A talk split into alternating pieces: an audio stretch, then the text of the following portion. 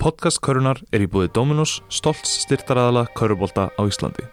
Þú fær 30% afslátt af öllum sóttum pítsum á matseli þegar þú pantar í Dominos appinu eða á heimasíðu þeirra dominos.is með sláinn kóðanum karvan.is. Karvan er líka stutt af Egil's Kristall, Tannvætt, Hollur og geggjaðu drikkur. Það sést hverju drekka Egil's Kristall.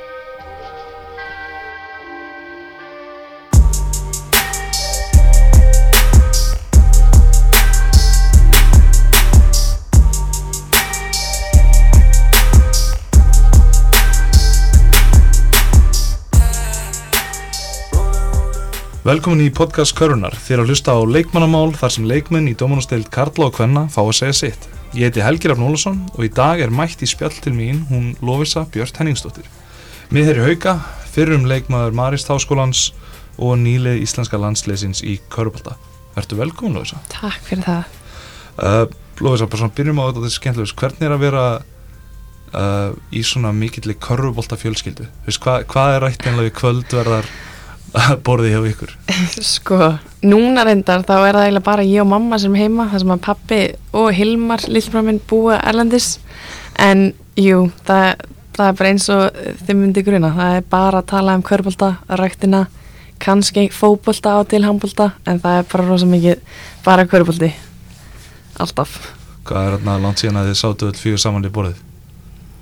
Uh, það er síðan í ágúst Vá, wow, bara Já. Við erum öll hér og þar. Hilmar að spila í Valencia, pappi er á Kanaríunum og svo er ég og mamma þannig að það er langt síðan. Svo er reyndar líka eldri bröður en við spilum eftir við líka um körfbólta Var hann aldrei körfbóltamæður? Jú, hann var í körfu og er í körfu svona bara að leika sér með alltaf neð spiliðinni núna. En hann er bara svona meira veist, að þessu til gamans. Já, þetta er, er aðeins meira en til gamans að þér? Já, er, þetta er aðeins meira hjá mér og Hilmari kannski Já, já uh, En bara hvenar og hvenar og hvernig hófst karvan heilega þér? Sko, ég man nú ekki alveg bara hvenar það var, maður var bara, ég man bara eftir mér bara sko pínulítli, bara skrýðandi á hliðalínni með pappa þegar hann var að þjálfa eða æfa sjálfur. Svo er ég endalast að fá frá fólki eða konum sem koma að mér bara, ertu ekki dóttir Hennings? Ég man þegar það var svona lítil og duru duru, þannig að já, einmitt. Þannig að ég hef alltaf verið í íþrótusinu, bara ólist upp við það, en ég man, ég var sjálf, pró, vildi prófa þetta þegar ég var svona fimm ára 5-6 og svo tók ég mér smá pásu því að yngar vinkunni voru að gera þetta eða að æfa en pásan endist ekki lengi. Ég bara þurfti að fara aftur á gólfið. Þannig að ég er búin að vera bara já, síðan ég var svona 5-6 ára í kurunni Og hvernig komst þú aftur inn eftir þessi pásu? Þetta var kannski nokkri mánuðir. Já, þetta var bara pýrur þetta var bara smá, já, smá pyrringu Já, þetta var svona, ég ætla að prófa að vera í dans með stelpunum. En svo var það bara, nei, það er ekki gaman. Ég ætla aftur í kuruna Varstu aldrei í einhverjum öðrum íþróttum eins og ég veit ekki fókbólta, handbólta eitthvað svolítið? Jú, ég var aldrei handbólta, veit ekki af hverju, en ég, jú, ég prófaði, var í fimmleikum alveg lengi með körfunni og svo hætti ég þar og var í fókbólta með körfunni, en alltaf með körfunni, en ég alveg prófaði aðrar íþrótti, dans og allt svona stelpu íþróttir, en ég, það var bara karvan hjá mér. Stelpu íþróttir? Já, svona dans, frístæl eitthvað, ég veit ekki. En, en karvan var alltaf nummer 1, 2 og 3? Já, hún var að segja það. Getur svona líst stundinni þegar þú svona fannst að þetta geti verið eitthvað að þessi körubaldi geti komið eitthvað áfram í lífunu til dæmis í háskólan á með atvinnumennska eitthvað svoleiðis? Sko já, ég hafði náttúrulega augljóslega alltaf gríðlega áhuga á að spila körfu og að vera að æfa á allt svoleiðis. Og svo eiga pappa sem að margir lit upp til og, allir, og hann talaði svo vel um körfuna og allt svona þá langar maður alltaf að gera meira. Og svo man ég í fermingagjöf þá fekk ég ferð til Texas frá fjölskyldum minni og var að spila í svona AU camps og, og, og spila í liðum þar. Og var þar í tværi vikur í fyrsta, fyrsta sumrið og svo fyrir í mánuð setna árið þá var ég bara 13 og 14 ára og þá fatt að ég bara svona, þá var ég með stelpum sem voru virkilega góðar og þær voru bara, ég ætla í háskóli, ég ætla að fara hérna og ég bara, ég geta líka og ég ætla mér að gera það. Og það var svona mómentið? Það var svona já og ég vissi, þú veist, pappi, ég var, ég, var, ég ógst rosa rætt, þannig ég var alltaf ógstlega hávaksinn en svona algjör sláni, fyrst bara vissi ekki hvað þetta gera við mig en um leið og, þú veist, ég byrjaði að styrkja mig meira þá vissi ég ég gæti, þú veist, ég alveg var actually allt í lægi í íþróttinni, þannig ég alveg, ok, mér langar að sjá hvert þetta getur tekið mig. Og pappi alltaf að tala um hvað það er mikið að tækifærum núna. Hann, sem var ekki þegar hann var yngri veist, hann hefði aldrei getað að fara í háskóla út og þetta var svona erfiðara. Þannig ég bara, mig langar, þetta er sem mig langar að gera. Hvernig byrjaði þetta marist æfindir þá? Var það bara þarna þegar þú varst 13-14 varstu, leistu strax á þann skóla eða hvað, hvernig var svona ákvörðuna ferlið? Nei, það, jú, það var, ég, það var ekki þegar ég var svona ung. Ég fór, semst, ég kláraði framhaldsskólan í Flórida, það veit að margir það ekki. Ég tók semst eitt ára undan á ég fór í Marist, tók ég eitt ár í Flórida því ég var bara komið eitt semst Division 1 offer frá skóla og það var sami skóla og Hildurbjörg var í, í Texas. Og ég fór að heimsóti hann og mér fannst það mjög spennandi en eitthvað saði við mig að ég, þetta var ekki starf fyrir mig. Hvað, var það, var það campusinn, hitinn? Ég er enda að fíla hitan en ég veit ekki, það var eitthvað, bara eitthvað, ég, ég veit ekki, það var bara, ég, þetta var ekki skólinn sem ég átt að fara í. Ok, þannig að þú, þú, þannig að þú svona afþakkaði það kurteislega með einhverjum móti. Já. Og hvað svo? Og svo tók ég hérna að því, já, að því var bara með eitt tilbúð frá Íslandi, þannig ég ákvaði að fara í Flórida og bjóð þar hjá svona hóst fjölskyldu, bara var innan á fjölskyldu og var þar í eitt ár og eftir eitt tímabill í hæskúla árið komið 16 Division 1 tilbúð. Já. 16? Já, þannig að það síndi mér einmitt bara hvað muna miklu að vera bara staðsett á réttum stað, þú veist, ég var á Íslandi og fekk eitt fór svo eitt ár út og fekk 16 Já það er náttúrulega bara vantan að fá fleira fólk til að sjá því Já spila. það er máli, fólk er ekkert að kíka til Íslands því miður, en núna sjálfsög meira þegar komið eins og heilin og þær eru að hjálpa yngri krökkum að fara út að spila en það var ekkert þegar ja. ég var. Og það, ekki, og það, er, það hefur kannski þessi áhrif að senda myndbönd saman sér, sjá fólk lægi leikjum. Nei, það geta allir litið vel út á myndböndum. Það geta allir búið til highlights. Mamma minn geti búið til highlights og lukka vel, en þannig ég var aðna í eitt ár og ég meiri segja var búin að hérna verbally committa á skóla í Flórida að ég hef búin að ákveða að fara í skóla í Flórida og þú hefði svona sagt að við það að skrifa undinni já, svo viku setna þá ringdi þjálfarni í mig og allt þjálfarastaffi var reikið yes. Já, Þannig, og, og, ég, hann, og hann þá líka bara, bara allt, allir, allir þjálfarnir líka, líka sá sem var að ringið já, semst, wow. hann, á, já, mér fannst það mjög ég reynda, að virta það mjög mikið hann ringdi mig og vildi persónulega láta mig vita veist, að, að ég væri enþá með þetta tilbúið ef ég vildi fyrir bara annan þjálfara að þetta var orðið official en þyrti það ekki. Og ég dyrkaði nefnilega þann þjálfara. Mér fannst að ég, það var það sem svolítið dróð með aðskólanum en ég, það, ég, ég fór ekki ákvaða svo að fara ekki þann skóla nýju þjálfaran kom seint inn og það var bara óregla á þessu. Og ég var stress og ég þarf að plana allt þannig ég bara, ég meikaði það ekki. Og þú ert svona skipulöð manneski Já, svolítið. Ok, alltaf eitt af 16 þá dóttið út? Já, og fleiri dóttið út líka því ég var búin að láta aðra skóla vita sorry, nei, ég er búin ákvað að fara þangað.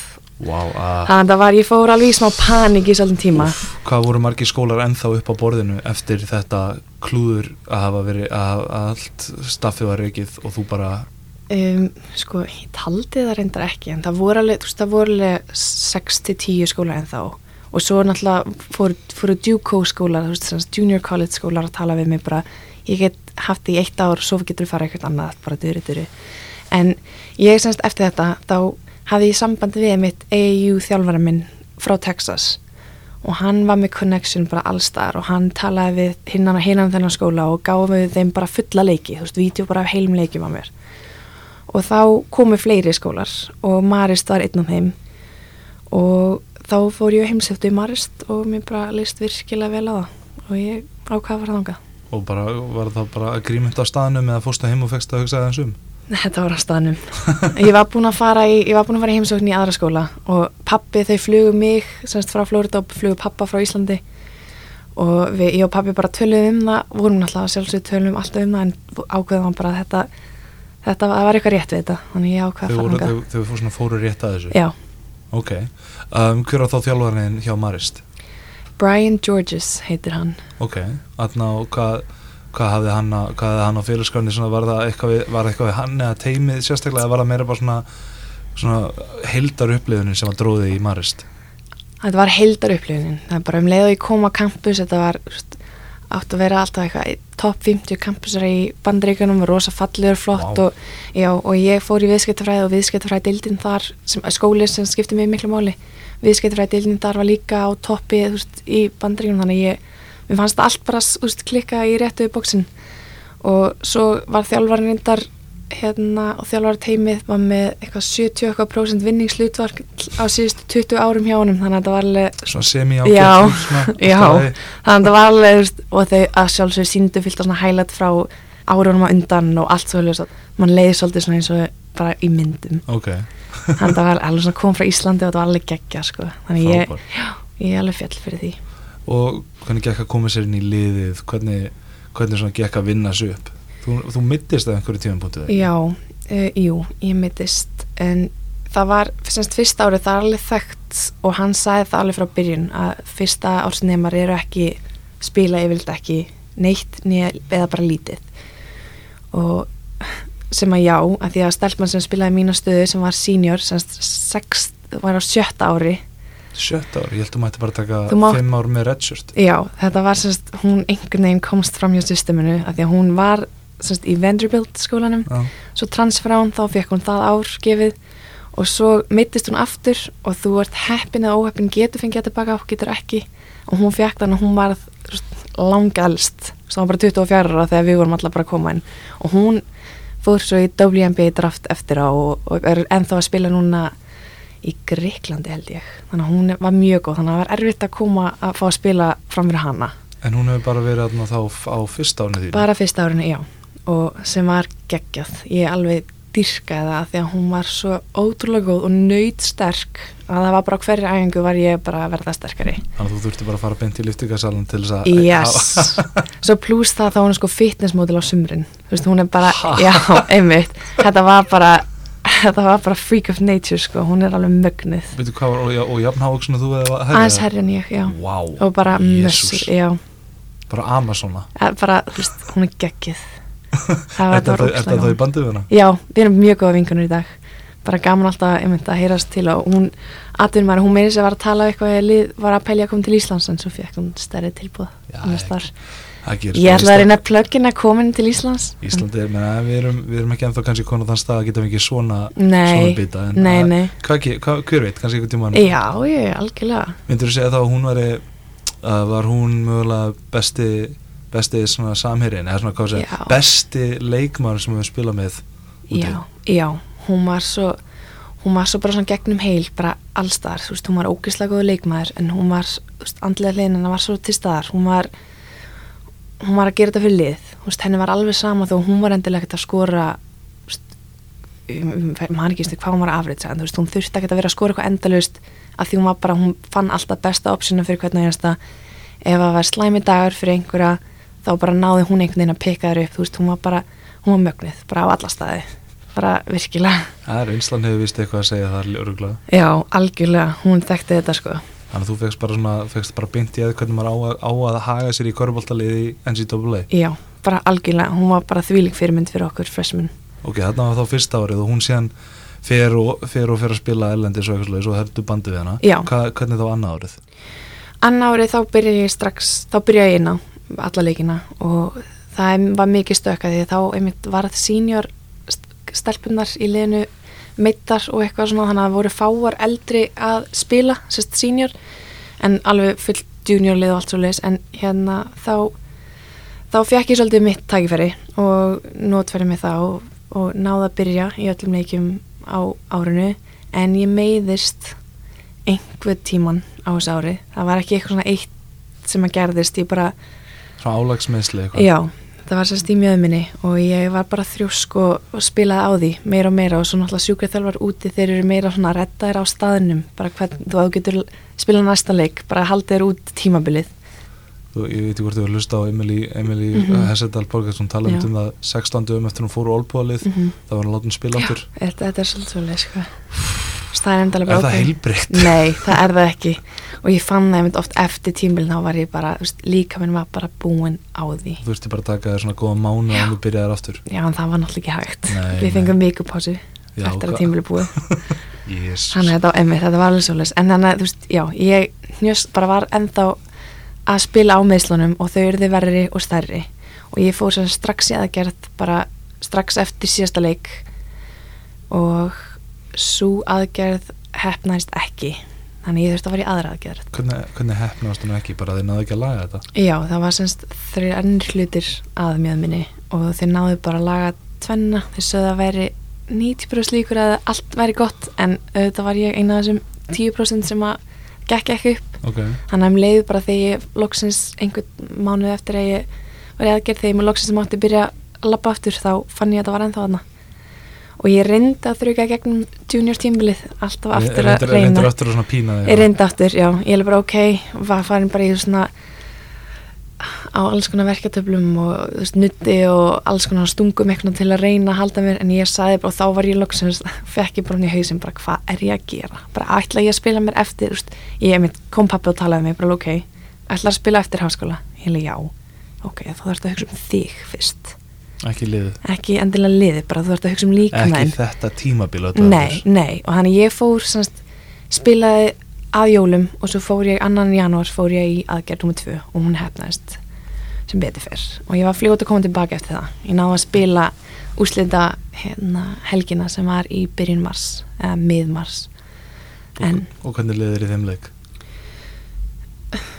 Bara vel. Ég, ég held að var svona svolítið bara búst sem alveg held kom mér áfram í leikjunum. Eða þetta voru nokkri leiki sem ég náði að vera með en var náttúrulega ekkert alveg 100% þannig að um sumari þá tók ég bara smá endurhæfingasumar og ákvaða bara að reyna að laga sjálfu mig á en ég byrja að reyna að gera eitthvað annað. Bara annarkvæmt að hjá sjúkaþjálfur bara einna heima? Já, það var svolítið svolítið bara sjúkvæðara og bara með prógram frá sjúkvæðanum úti og bara gera alls konar styrstræfingar fyrir mjöðmina og veða í kring og svo náttúrulega bara skjóta ok, þannig að þetta var þá lok, lok þriðja ársins. Og þá ertu komin tilbaka fjórða árið Já, hvernig var það?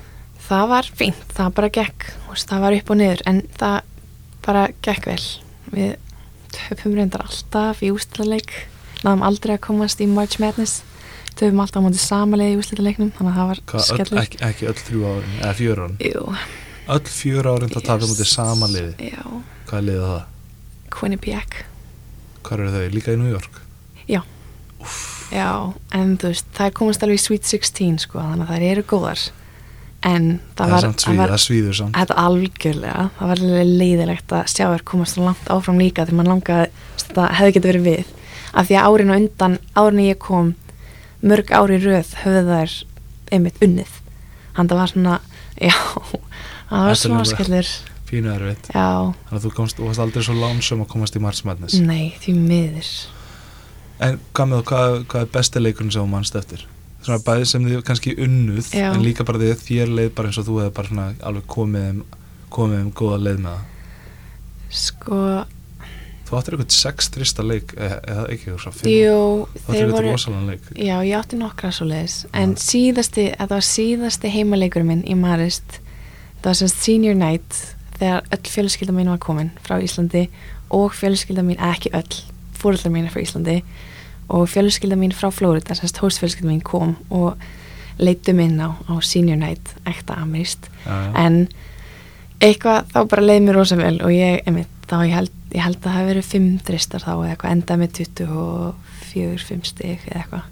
Á móti næja eitthvað, á móti dagnýja mitt sem er íslensk í þýliði það var heima sigur, það var geggjað. Það var, það var svona svolítið sweet en þarna, þá kannski lítum aðeins út fyrir það á þittli, við stundum aðeins byrja að þetta hver er, hver er þá þessi, þessi, þarna, sem að, þessi senior sem að spila með fyrsta ári, hvað hétt Mhm. hún? Tori Jerose Juros, mm -hmm. Tori Juros Já. um, fyrir, hvað sé, fyrir utan þess að hver er svona besti leikmaður sem þú hefur mætt á vellinum á meðan þú varst í NCAA og var hún, og var hún betri en Terry Juros sko ég spila alveg mörg, á móti mörgum mjög góðum liðum en ég man ekkert endilega eitthvað nöfn hjá þeim. En ég man eina sem var reyndar ekki, ég spila ekki á mótinni en ég spila á mótinni að meðinni í AU hún er Brooke McCarty. Ok, hvert fór hún? hún er núna í WNBA hún fór í Texas Longhorns og Vá. var geggjuð og er geggjuð, hún er sko ég held að hún sé 1.60 á hæð. Hún er pínulítil í emitt, en hún er hún er alveg mögnuð, það veit allir hver hún er úti. Og ég spilaði með henni semst í EU, en ég spilaði ekki á mótinni sem betur fyrr í Marist. Hún hefði kannski bara farið illa með ykkur. Já, hún hefði getað það. Þegar þú komst tilbaka eftir eh, þú varst, fjö, varstu fjör eða fimm ár satt? ég var fjögur ár í Marist og eitt ár auka í Floridan, ég var fimm ár í bandringunum ég hef sett fyrr, þessi fimm ár sem þú talar um það er þá þú þetta fyrst árið á Mhm, já, undan en ekki, já, já, ég, hef eitthvað minnskil, ég held að þetta tala um að að þú hefði redshirtað eitthvað. Nei, ég ákveða aldrei. Þú veist, ég hefði getað að annað árið þess að ég þurfti að fara í sittna aðgerðin en ég, ég vildi það ekki. Eftir þessi, eftir þessi fjóra ár kemur þú tilbaka og ert ekki já, að mínu viti bara þá var, þú varst ekki lengi að ganga í ræðir hauka. Kom einhver annu liti greina? Var, uh, hvað var það sem gerði einhver svona útslæðið í valinu? Um, sko það voru nokkuð lið úr Þískalandi og einhvers öðrum löndum sem að töluðu við mig svolítið snemma á tímbilinu úti. Og ég er svolítið svona ítt eða smá frá því mér langaði að klára tímbil út og að einbytta mér þar. En ég er ennþá og þau alveg voru mikið í bandið mitt nokkuð lið og eitthvað á spáni og eitthvað svo leiðis en svo var ég myndið að tala við uh, nokkra agenda sem að vildu sæna mig og voru strax komið sögðu lið hér og þar. Og mér fannst það mjög spennandi. En hérna svo þegar hann bræi úr haugum ringir í mig að tala við mig og segir að þeim langi að fá mig þá fannst mér það svolítið spennandi líka. Mér langa ég hafði alveg áhuga að koma heim þú veist, ég veit, ég er ekkert búin mér langar alveg ennþá út. En mér langar, það var eitthvað sem að, mér langaði bara að koma heim í smástund aðeins að koma heim til fjölskyldunar og fá að vera Þú með vinum til mömmu núna. Svo feilaði það, þá fór Hilmar í burtu allir um þetta að djóka bara það má bara vera eitt henningspann á landinu í einu. En já, það var alltaf mér langaði heim og mér fannst spennandi og ég- allt, allt, þú veist, allt þetta haugalið þetta er allar stelpur sem ég var að æfa með áni fór út. Eða flest allar. Og þetta er bara, veist, þetta er svona alla vinkunum mínar og mér langaði bara að koma aðeins að, aðeins að sprikla með þeim. Þú ert, þú ert svona, þú ert nokkuð góð að því að rósa liðsfjöluðinum í viðtölun eftir leikir svo leiðis. Áttu eitthvað svona uppáhalds samherja í liðinu? nei, það væri bara ljótt ef að það væri, en nei ég Bara... Þú satt og elskaðir allar en eina aðeins meira. nei, veistu, ég dýrkar allar óksla mikið og ég alveg bara, bara lít upp til margra af þeim, þær eru svo duglegar og þú veist, einmitt margar sem að gera hluti sem ég langar að ég geri, veist, eins og til dæmis Sigrún. Mér finnst hún geggið, hún er óksla flott í vörn og hún er bara, einmitt, ég hef sagt aður það er eins og hún, þegar hún sér hættið eitthvað, hún frekar hleypur aðan í burt, heldur hún í burti mér langar alveg að ég geri það maður gerir það ekki alltaf, en ég á ekki neitt uppáhaldsleikmann mér finnst það allar bara mjög góðar og bara á sinn eigin hátt. En þarna, uh, Ólaf Helga tók náttúrulega við liðinu Já. og uh, hva, hversu stór partur af ákvörni var það? Veist, Bræði heyri, að, Bræði heyri fyrst í þér, mm uh, hva, en hversu fljótlega eftir það talar við Ólafu? Ég var alltaf búin að vera að spjalla við Ólu alltaf því ég kem heim þá kom ég á haugaræðingar og fekk þú veist að halda mér í formi þannig og Ólu var alltaf, já ég alveg svo kemur þú næst er það ekki? Alltaf svona í, í það. Þannig að ég er alltaf búin að vera að spjalla við Ólu og, og ég fíla hana mjög mikið. Og ég, fílaði hana strax, veist, mér finnst það svo mikil töffari og alltaf þegar ég var úti, ég, bara, hún, ég man þegar ég var lítil að rétt fá að stíga mín fyrstu skrifi í mestalokki þegar pappi var að þjálfa þá var man ég eftir henni. Ég man eftir henni bara ógæslega mikil, einmitt, töffari á vellinum bara ótrúlega dugleg, algjör svona höstlari og ég er bara ok, hún er auðvitað geggjaði þjálfari. Og ég, veist, það var alveg rétt. Hún meðist hún ótrúlega flotti þjálfari hún er dugleg að segja hvað við gerum vittlust en hún er rosa dugleg að rósa líka, finna björtu hliðarnar í málunum og líka það sem ég fíla svo mikið við hana hún er svo opinn fyrir spurningum og bara aðtúasendum, hún er kannski með eitthvað sem á að gera. Og hún bara ef þú hefur einhverja betri hugmynda aðrar hugmyndir sem hef gætum gert eitthvað bara x svona endin að koma með þér. Og hún er svo opinn fyrir að bara hlusta á hvað aðrir hafa að segja. Vist, kannski hugsa mér eitthvað öðru í sig í vörninni sem að hún var ekki búin að pæli að hún bara tekur það í veist, mál og svo bara ákveður hún en ég ætla að fíla, samstarfið er að ganga bara mjög vel og hún bara virkilega góð þjálfari. Þannig að hvernig getur þá líst svona haugaklefanum á stemmingunni? Er það, er það hver er svona restasta típanarinn er svona, hvernig, hvernig líður ykkur? Ég menn við vantala sko býða með að fjalla um sensta leik en þó að við komum að því. Já, en hvernig, hvernig hefur haugaklefin verið þarna frá byrjun tíðanbyrjins við erum allar mjög hressar eins og ég sagði, þú veist, þetta eru stelpur sem ég er búin að æfa með bara síðan ég var lítil nema mínus þessi fimm ár en við erum, þú veist, við erum mjög nánar á vellinum og utanvallar, þannig að við erum alltaf að djóka í hver annar, þú veist engin særi neina, við erum alltaf bara að grínast, þú veist, við erum dansandi, syngjandi, það er því líkstemming alltaf. Getið þið skamma hverja aðra? Já, það er alveg hægt. Stóð við verðum að gera það. Við erum það nánar held ég að við getum skamma hver aðra og ekki tekja inn á okkur heldur tekið sem bara, ok, þú vilt að ég geri betur fyrir liðið. Og ég held að við séum svolítið góðar í því. Þið hafið farið í um allar uh, breytingar frá byrjun tímabilsins Já. auðvitað, svo mist þið mistu núna nýla Já, auður íris að, auður setti hillina að mitt, og svo mistum við dýrfinu og evi. já, ef en það er von það er von til kannski að ef að verði komin aftur eftir áramót Já, hún er, hún er ennþá að vinna í því að koma tilbaka, þannig að hún mun koma tilbaka sem það verður. já, En dýrfina því miður, þú veist, vonandi kemur einhvern tíma tilbaka en það er bara, hún er ennþá að kljást við þessi höfumeðsli sem hún fekk bara fyrir tveim árum. þetta er að verða að þið með sínir starra starra vandamál Já, ég er samlega, mér finnst einmitt það er að sjálfsögur gott að fólk sé að taka harðara á þessu en ég, einmitt, mér finnst það gerast fyrir svo ofmarga og bara Já. dottið úr íþrótni eins og Marja veist, hún er ennþá að kljást við þetta og mér finnst þetta bara umulega leðilegt að það sé ekki hægt að gera neitt. Ríkal- ríkalegt að missa svona svona uh, ég, ég, ég, bara, ég myndi nú bara að kalla það já, jaksla og baráttu Já. og bara baráttu manneskjur úr, Já. íþróttinu sko, það er umulagt það er umulegt sko. einmitt, það er svo, einmitt, var svo, þú veist, hún var alltaf að spila mótinni, það var svo, þú veist, mann hafði svo gaman að henni, hún var svo ógæslega dugleg og ég meina, Margar, Ragnar Margit, þú veist, allar þessar stelpur, þetta er Helling, umulegt. hellingur af allt og góðum stelpum Já. farnar út allt og snemma Já, ég samanlega. Svo, en hvað segja, Óluf Helga þú og fleiri aukar hafa sagt að liðið hafi ekki verið að sína sitt rétta andlit hinga til á tíðanbylnu en núna í seinustu umferð þá virðist þið hafa gert það og gengi í ræði þeirra örfá liða sem hafa náða að vinna þetta valsara lið. Já, uh, hvernig já, bara svona t- tvær spurningar. Uh, hvernig leiðir strax eftir leikin og hvernig leiðir í leiknum?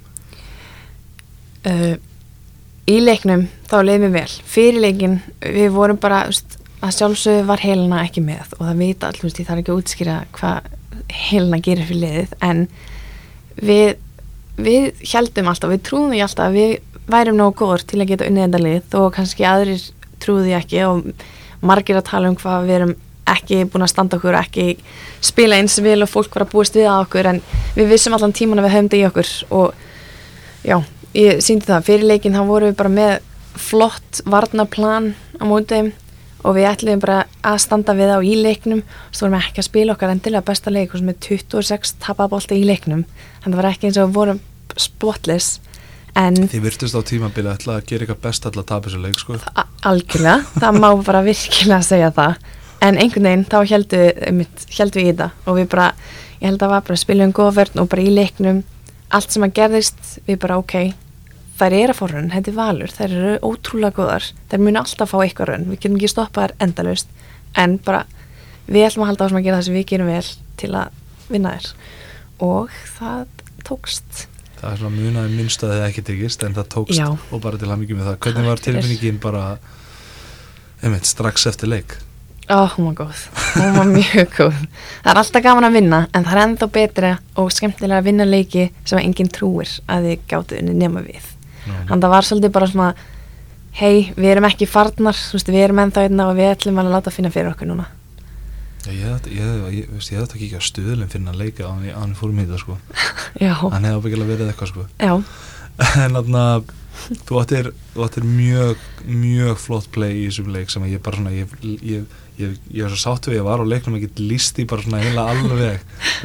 Setu skrín það er svona hvað, 90 sekundur eftir eitthvað svo list þetta var endar innan við bara allt sem innan mínúti, Já, vá var- þið eru þremur yfir. Já.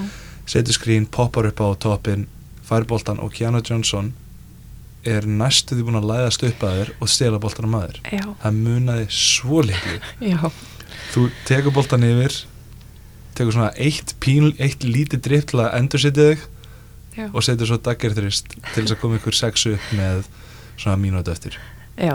Þetta var rosalega Þetta var alveg svolítið búld að skjóta þessu en já, já, það, það, það, það, ég held að ymmit verið það sem að ég held að Páluna og það er í Dónus Körvaldu að ymmit sagt það í ger Já. það var mjög, bo- sko, já, mjög bold move. Já, það er ekki hitt úr þessu. Og það hefði ekki verið gott. Já, já, en þarna í mómentinu varstu alveg við, þú varst alveg vissum þetta var hún þú veist að þetta var rétt ákvörðun? Já, ég fann það, þú veist, einmitt, að, ég skrýna hann að bakskrín þar voru að skipta á þessu öllu, ég sé, vartamæður er ekki nálega mér og svo er allt í einn kían að baka mig fæ sendinga mitt, hún var svo nált í að stela honum en já, einhvern veginn næjanum og ég bara stundum finnum maður bara rétt moment og þú fannst, þú veist, þarna fann ég bara ok, ég er að fara að skjóta þessu og ég ætla að setja hann, að ég þarf að setja hann. Svo tók ég, þú veist, fór ég náttúrulega yfir í haustum eftir og ég sé, þú veist alveg í hotninu að Þóra er opinn líka og hún var búin að hitta betur en ég sem hefði líka verið frábært skot en ég veit ekki, ég er bara einhvern veginn ákvaða skjóðum stundum verðum að bara hafa smá sjálfströst já, ég held það bara.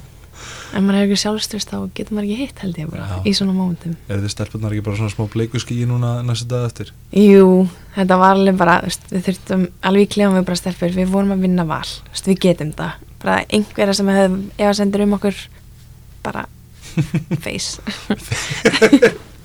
Já, það eru, það eru ennþá, hellingar mjög góðun liðin í sér deild og því þrátt fyrir hann að gegja sér að það er bara í fymtarsæti og það er ennþá margt margi leikir eftir. Já, já, við veitum það. Við viss, og við tölum strax um þetta eftir leikin þó að við vinnum val, við erum ekkert orðnir Íslandsmeistar eða eitthvað svolítið en það meira bara svona fyrir einhverja sem voru kannski með einhverja efasendir jafnvel í liðin okkar, veist. Við getum þetta, við erum nógu góður til að geta verið að keppa á móti kepplæk, á móti káar og þú veist þessum völusurum, þessum bara frábæri liðin sem við erum með í deildinni. Það er náttúrulega hellingur af rosalega góðan leikmennum í þessari deild núna.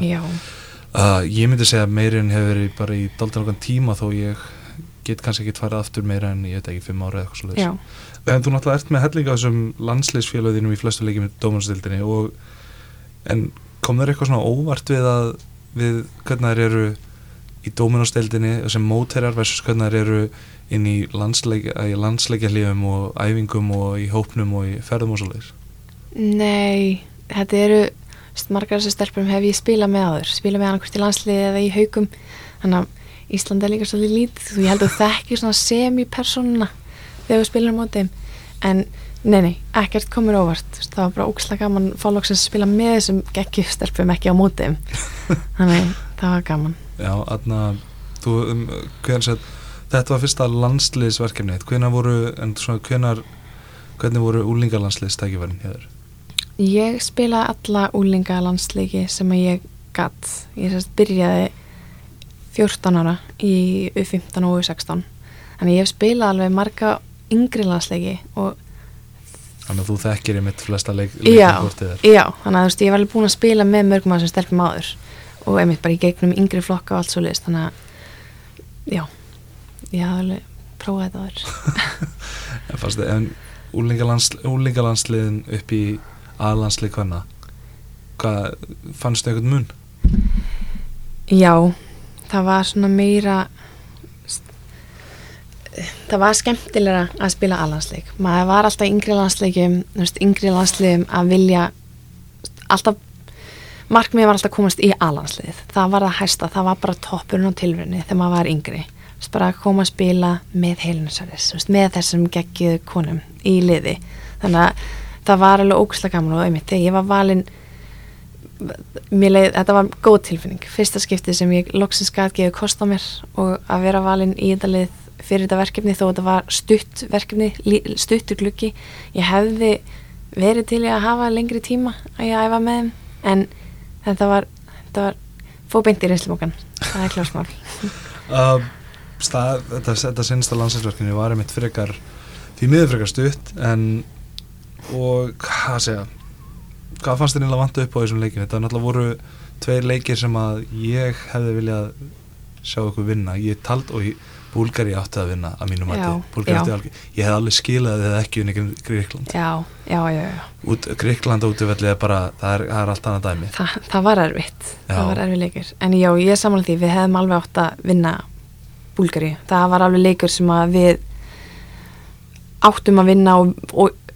kannski heldum að við myndum vinna. En það komu bara, bara virkilega sterkar til leiks. Og svo einmitt var tekið viðtalið þjálfana eftir og það var að segja að það var besti leikur sem það hafa spilað saman í sex ár, þú veist, típist Frá, Frábært að fá þannig leik. Einmitt, bara sjálfsög og heima Gekkjum mæting bæðu Ógæðslega góð mæting. Ég var svo ánægð.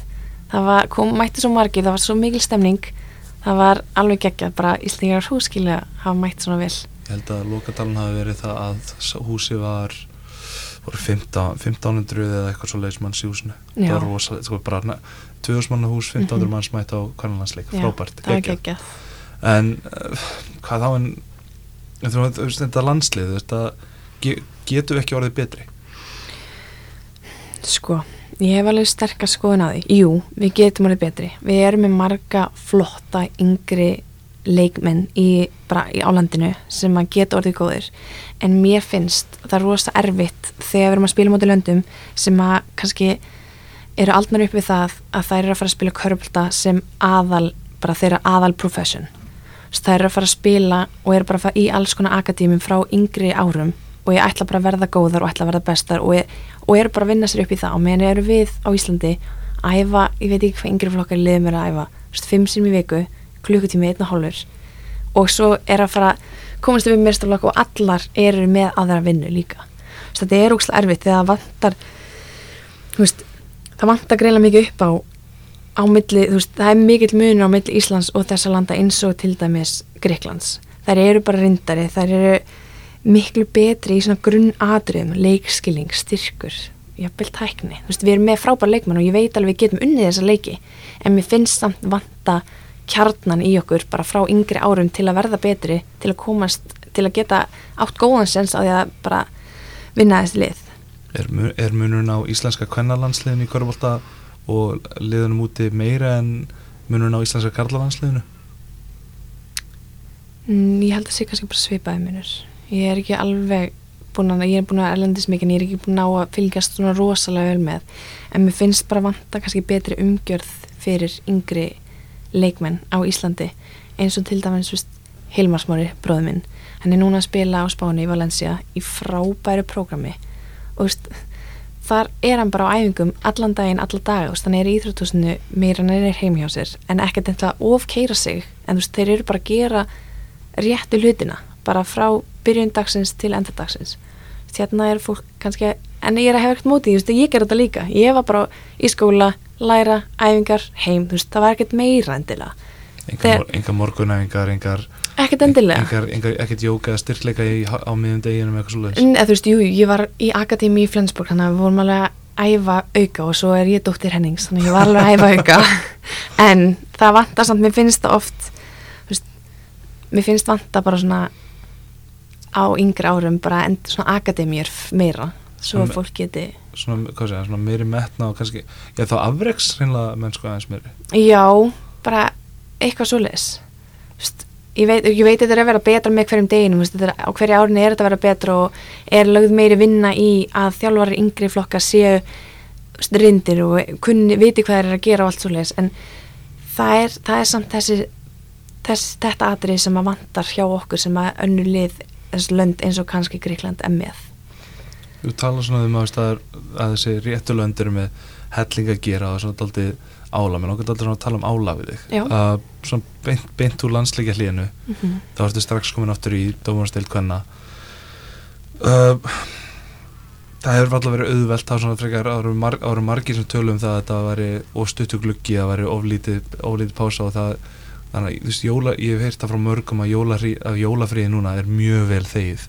Getur, getur aðeins líst þessu álægi dómarstild hvenna já, þetta er ég reyndar alveg nokkurn veginn vön svona álægi úti. Við vorum að spila mikið leikjum en þetta er alveg mikið Vist, síðustu vikur erum við búin að vera að spila á miðgudegi, lögadegi, miðgudegi við erum að spila þrjá leiki á viku sem er rosa mikið.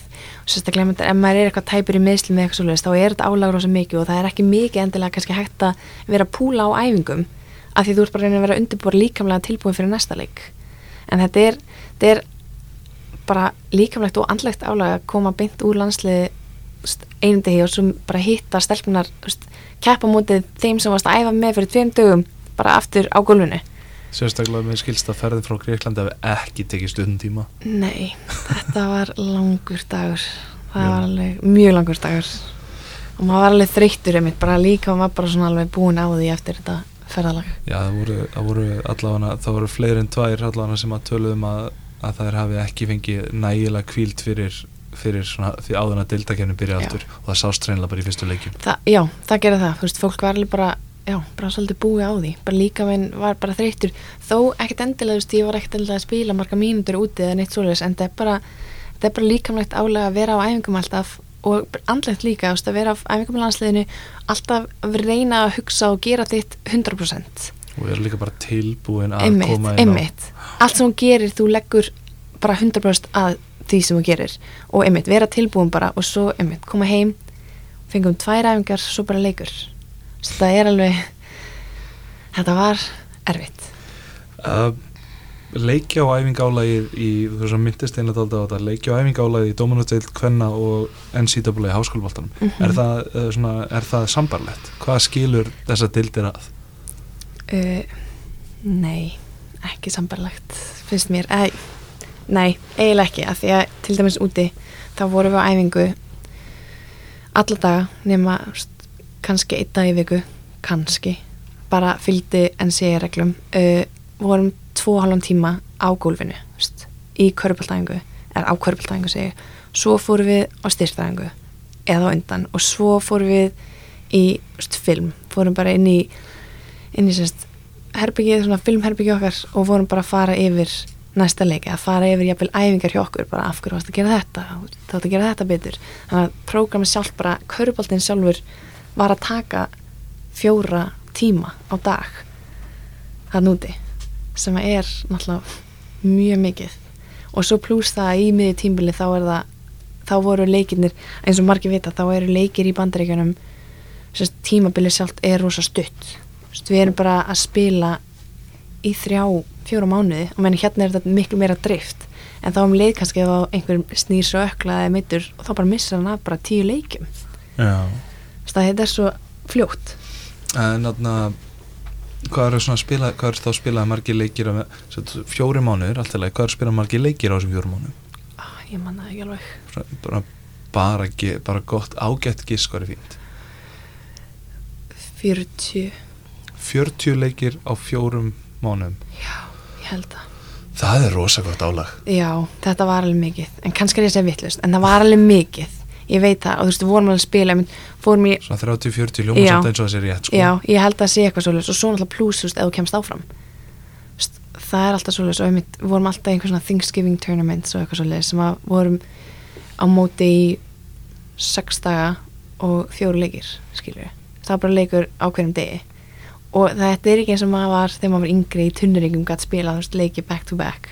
Þetta er alveg já. 100% leikir. En þarna, er þetta, já, þú, þú hljóma þá eins og þú ert aðeins vanar í þessu leikjálagi en, en íslenski leikmenn sem hafa ekki farið út í NCAA, svona, þú, þú hljómar að, það hljómar eins og 30-40 leikir á fjórum mánuðum, sé, minna, það eru auðvitað erfitt, já, já, en þú hefur þá einhverja æfingu í þessu, þannig að þú ert kannski aðeins, aðeins betur stödd en margir íslenski leikmenn. Eru, eru, eru, of margir, eru of margir leikir í íslensku hvernig að það er að lengja stíðanbili, það er að er að fæ- fækka leikjum, ertu með einhverja skoðun á þessu? Mér finnst það fínt eins og veist, mér finnst ekkert endilega ekkert endilega lengja, þetta er alveg þetta er alveg frá oktober, byrjun oktober til stangur til út eftir út. En þannig að, nei, mér finnst, mér finnst það fínt held ég eins og það er, ég er náttúrulega ekki búin að fara heilt tímbil hérna, þannig ég veit ekki alveg hvort ég sé að segja eitthvað vittlust Ég, ég það aftur í mars Já, einmitt, spurðum við áttir þá. En jú, ég held að þetta sé fínt. Þú veist, mér, fannst, það úti, mér fannst það vera alltaf stutt. Prísísun okkar var viðbjóðslega langt. Og vorum bara á prísísun æfingum alltaf bara frá ágúst til og, og þið langar bara að spila? Mér langaði bara að spila, við bara, maður bara beigð, maður kýtlaði, maður langaði bara að fara að byrja að spila sko. Og svo þegar maður byrjaði þá var þetta bara leikur eftir leik eftir leik. Uh, fyrir þá eins aftur í dómunustilkana að hver er svona besti erlendi leikmaðurinn í deildin núna þínum að því?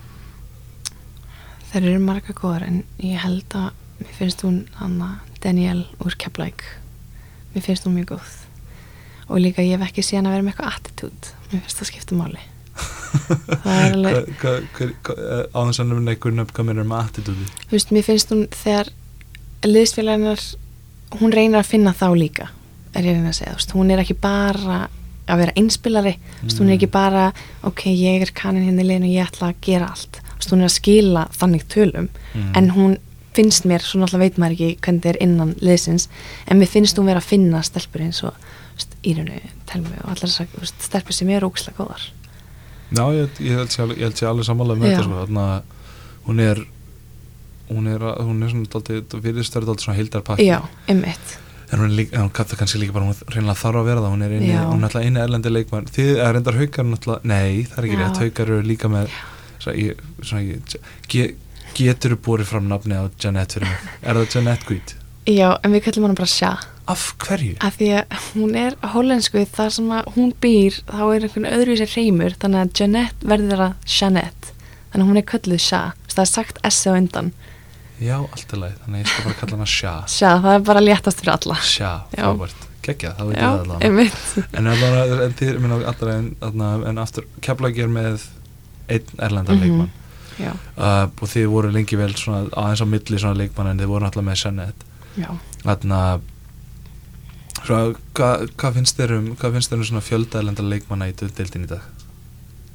mér finnst það fínt mér finnst, þú veist, að vera með eitt kana er, ég meina, allir eru með eitt kana en mér finnst alveg ef þú þarft á því að halda að vera með einn evarumann, þá finnst mér í lagi svolítið mikið að vera með kannski fleiri erlendaleikmenn en eins og í liðum kannski eins og keflæk þar eru með ókslega marga góðar yngri stelpur og kannski þurfar annan Evrópumann ef að þeim finnst það. En á meðan þær eru með góðan back og góða stelpur sem að geta stíð upp líka ef að kannin er ekki að standa sig þá er þetta nóg, þá þarf ekki einhvern annan leikmann. Eins og þetta var ma margir að tala um ef maður er með góða íslenska leikmenn sem eru kannski svipaðir Evrópuleikmennum þá af hverju, af hverju ekki bara leifa íslensku stelpunum að spreita sig? Já, mér finnst það góð punktur okkur ekki að lifa íslensku stelpunum að spreita sig? Mm -hmm. um, En þá hvað komið það með besta sko, ég, ég tel mig vita hvað svar er því að svar, svar er alltaf að saman ég ætla svo að gefa, ef að svar er helina hvað þá með næst besta leik, íslenska leikmann deildarinnar Ég dýrka Hildibyrgu. Mér finnst hún ótrúlega góð. Ég hef spilað með henni, spilað mót henni verið í vinkunar ég, en ég fíla hana sem leikmann. Hún, finnst hún vera með svona hildapakkan hún er ekki sjálfsælsk hún getur skora að vild en hún er líka, finnst mér frábæra að finna aðra leikmenn og líka í vörninni, hún er svona leikmaður sem að leggur sér alltaf fram. Hún er bara ógeðslega mikill höstler og gerir kannski hlutnæmitt sem að ekkert allir gera. Og hún er ekkert sem að sérst ekki alltaf á statinu Svo hún er að berjast undir, hún er að þreita leikmenn í henni liðinu sem að, einmitt, er ekki startaðir en þetta eru mikilvæg hlutir í liði. Hún, mér hún er mikill varnamæður hún er mikill vartamæður nefnilega. hvernig er eiginlega hvernig sérðu leikinn þinn versus leikinn hennar? Um, því svona, við fyrstu sín þá eh, allt henni þegar ég verið að hugsa út í það já, þá eru þið keim líkir leikmenn stórir, sterkir getið skotið fyrir utan. Já, með svona ágeta, með svona sjávöllin sem bara nokkuð vel. Já, svona er þetta reynd eh, var þetta, hún er eru þið jafngamlar? nei, hún er einar eldri. Reyndur, var þetta eitthvað svona meðvitað eða svarst eitthvað að laga það fannst, finnst þið bara gott að skjóta og vera fyrir innan eða? Mér finnst gott að skjóta. Finnst það var líka úti í skólan úti, veist, ég var alltaf verið fýtt skotmaður en úti þá var ég mikið bara, þá var kannski ef að ég var ef að ég var stæðist af stelpnar mín lið á vellinum þá voru stærri stelpnar í hinliðinu alltaf mun meiri og þá var rosa gott og við vorum með mörg kerfi þannig að ég myndi poppa út og þá er það er oft erfitt að dekka mig þar svona stretch fjarki já, já, og það var svolítið planið úti og þá var ég svolítið mikið að nota með það þú veist, ég var að hlaupa, þú veist, ég myndi gefa skrein hlaupa út, skjóta og þá voru þær orðnar og steinar eða eitthvað svolítið þegar ég var einmitt á móti stelpunum sem voru mun stærri og sterkar en ég okay. ja, en þú hefur vantilega þá fylgst með leiknum á Hildi er Hildi með svipaðan leik Er svona, finnst þér Hildi spila meira inni en þú? Viltu spila meira inni? um, Inn í teik þar að segja Já, já, já uh, Sko, ég held að við kannski spilum svipa mikið út og inni. Kannski munurinn er nei, já, ég held að við séum bara svipa mikið inni og úti. Ég hef aldrei pælt í því, ég hef aldrei borðið okkur saman eitthvað ég- bara- mér reynilega bara þetta ég, ég dætti þetta bara í hununa Já, einmitt. hugsa út í það, þið hafið mjög mikið af sömu vopnum Já, já. Ég hef aldrei horta á hana sem, þú veist, einmitt bara virkilega góðan mótorja en ég hef aldrei pælt í að bera okkur saman. Þannig að ég, Hver unnur í einn og einn? ég, við skulum komast að því einn daginn. Ekki bara einn af fyrstu leikinum eftir jól? Jú, það er það, Já. fyrst líkum bara. Það er það verður gaman. Já, Þú verðist já, svona, jú, jú, þú verðist svona pínlítið spennt fyrir Ertu ekki yfirleitt nokkuð spennt fyrir góðum leikum? jú, mér finnst, mér finnst langskemmtilegast að spila leiki á móti góðum stelpum sem að, við erum að gera alltaf núna hérna. En mér finnst svona góði leikir þeir alveg, það, það er uppaldið mitt. Mm. að fá svona gott challenge. Þannig að hún er svona á eftir helinu þá er það hildi fyrir þér. Já, ég held að. Þú sé margar virkilega góðar það eru mjög margar. Já, Já.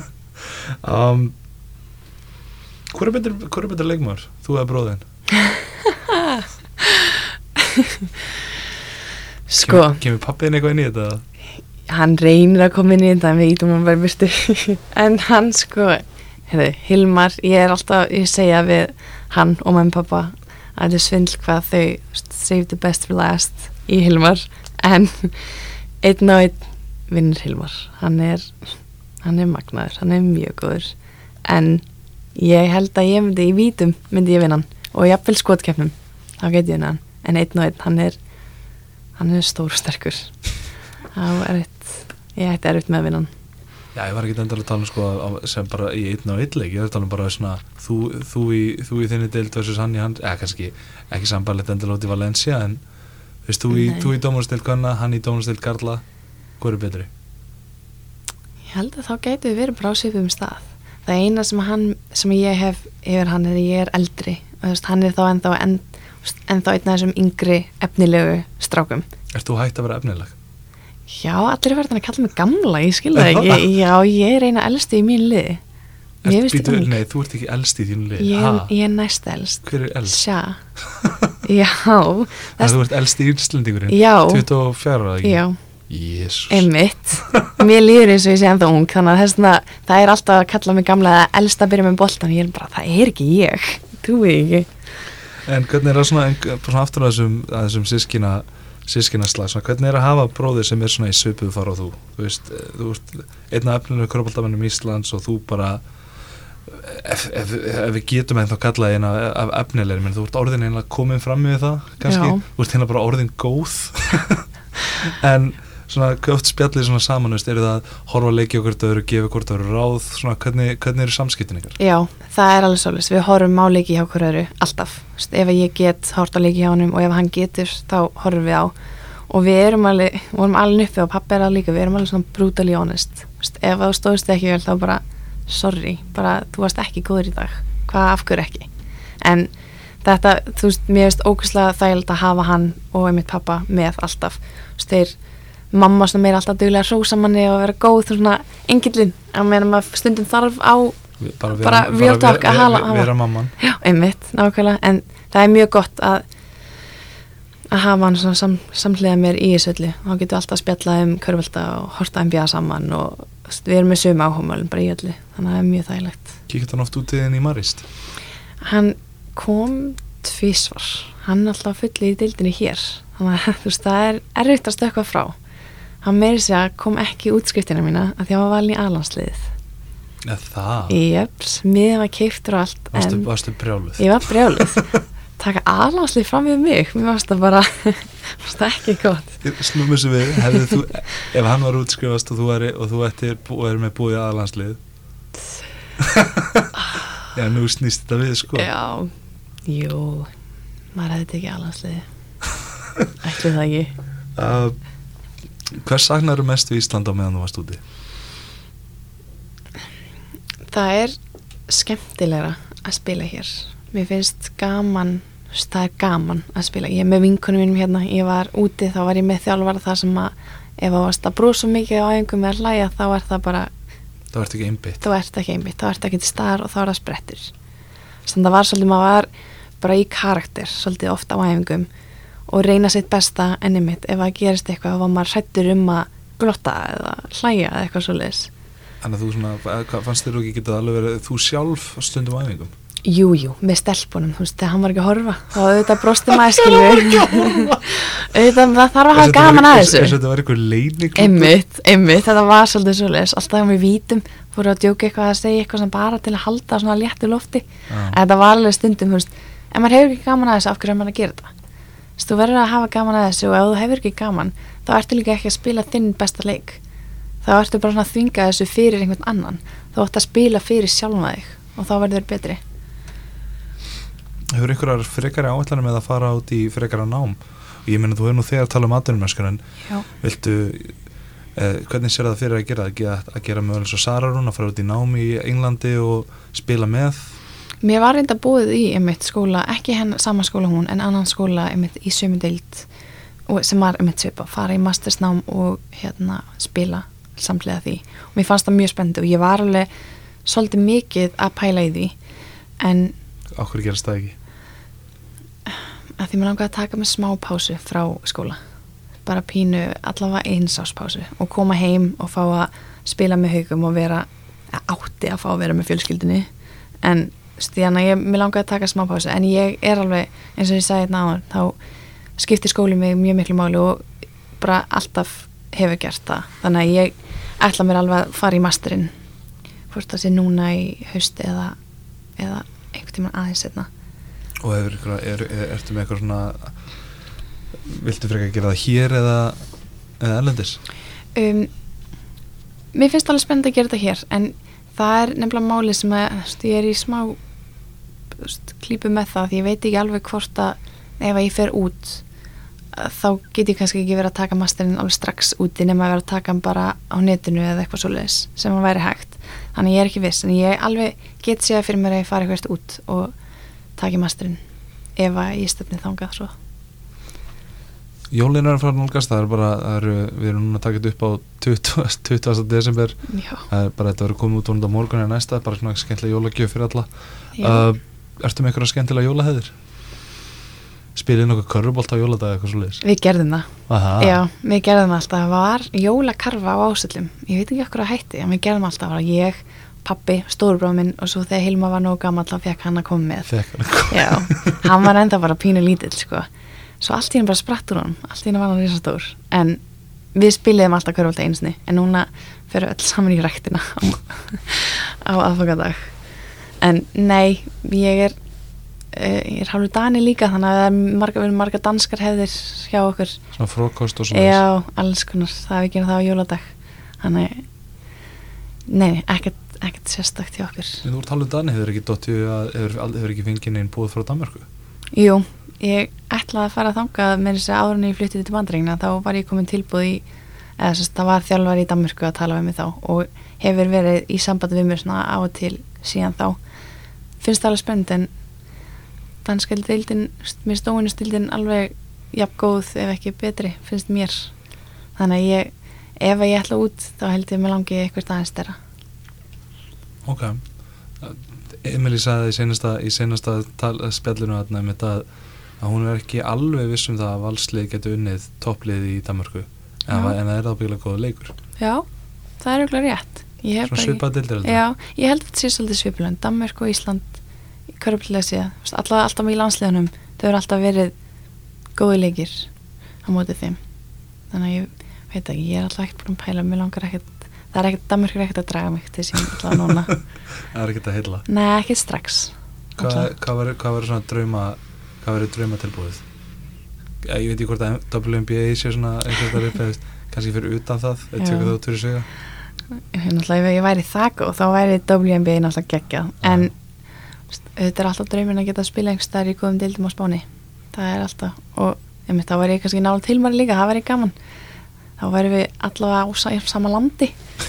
En Sko sko það er ég, alltaf saman á meginlandinu. Já, nákvæmlega, nákvæmlega. En nei, ég held að ég held að það sé bara draumir að fara kannski einhvern til góða deildu á Spáni eða einhvers þar, ég bara er ekki búin að hugsa það ég er ekki búin að pæla í því Herðu, bara, Lóisa, þetta bara, bara allt sem við vildum, bara fínt svona jólaspjall og þakka bara kjallaði fyrir. Ef viltu gefa einhverju sjátt á þannig þú ferð? Nei, ég held sér góð, takk fyrir Takk fyrir.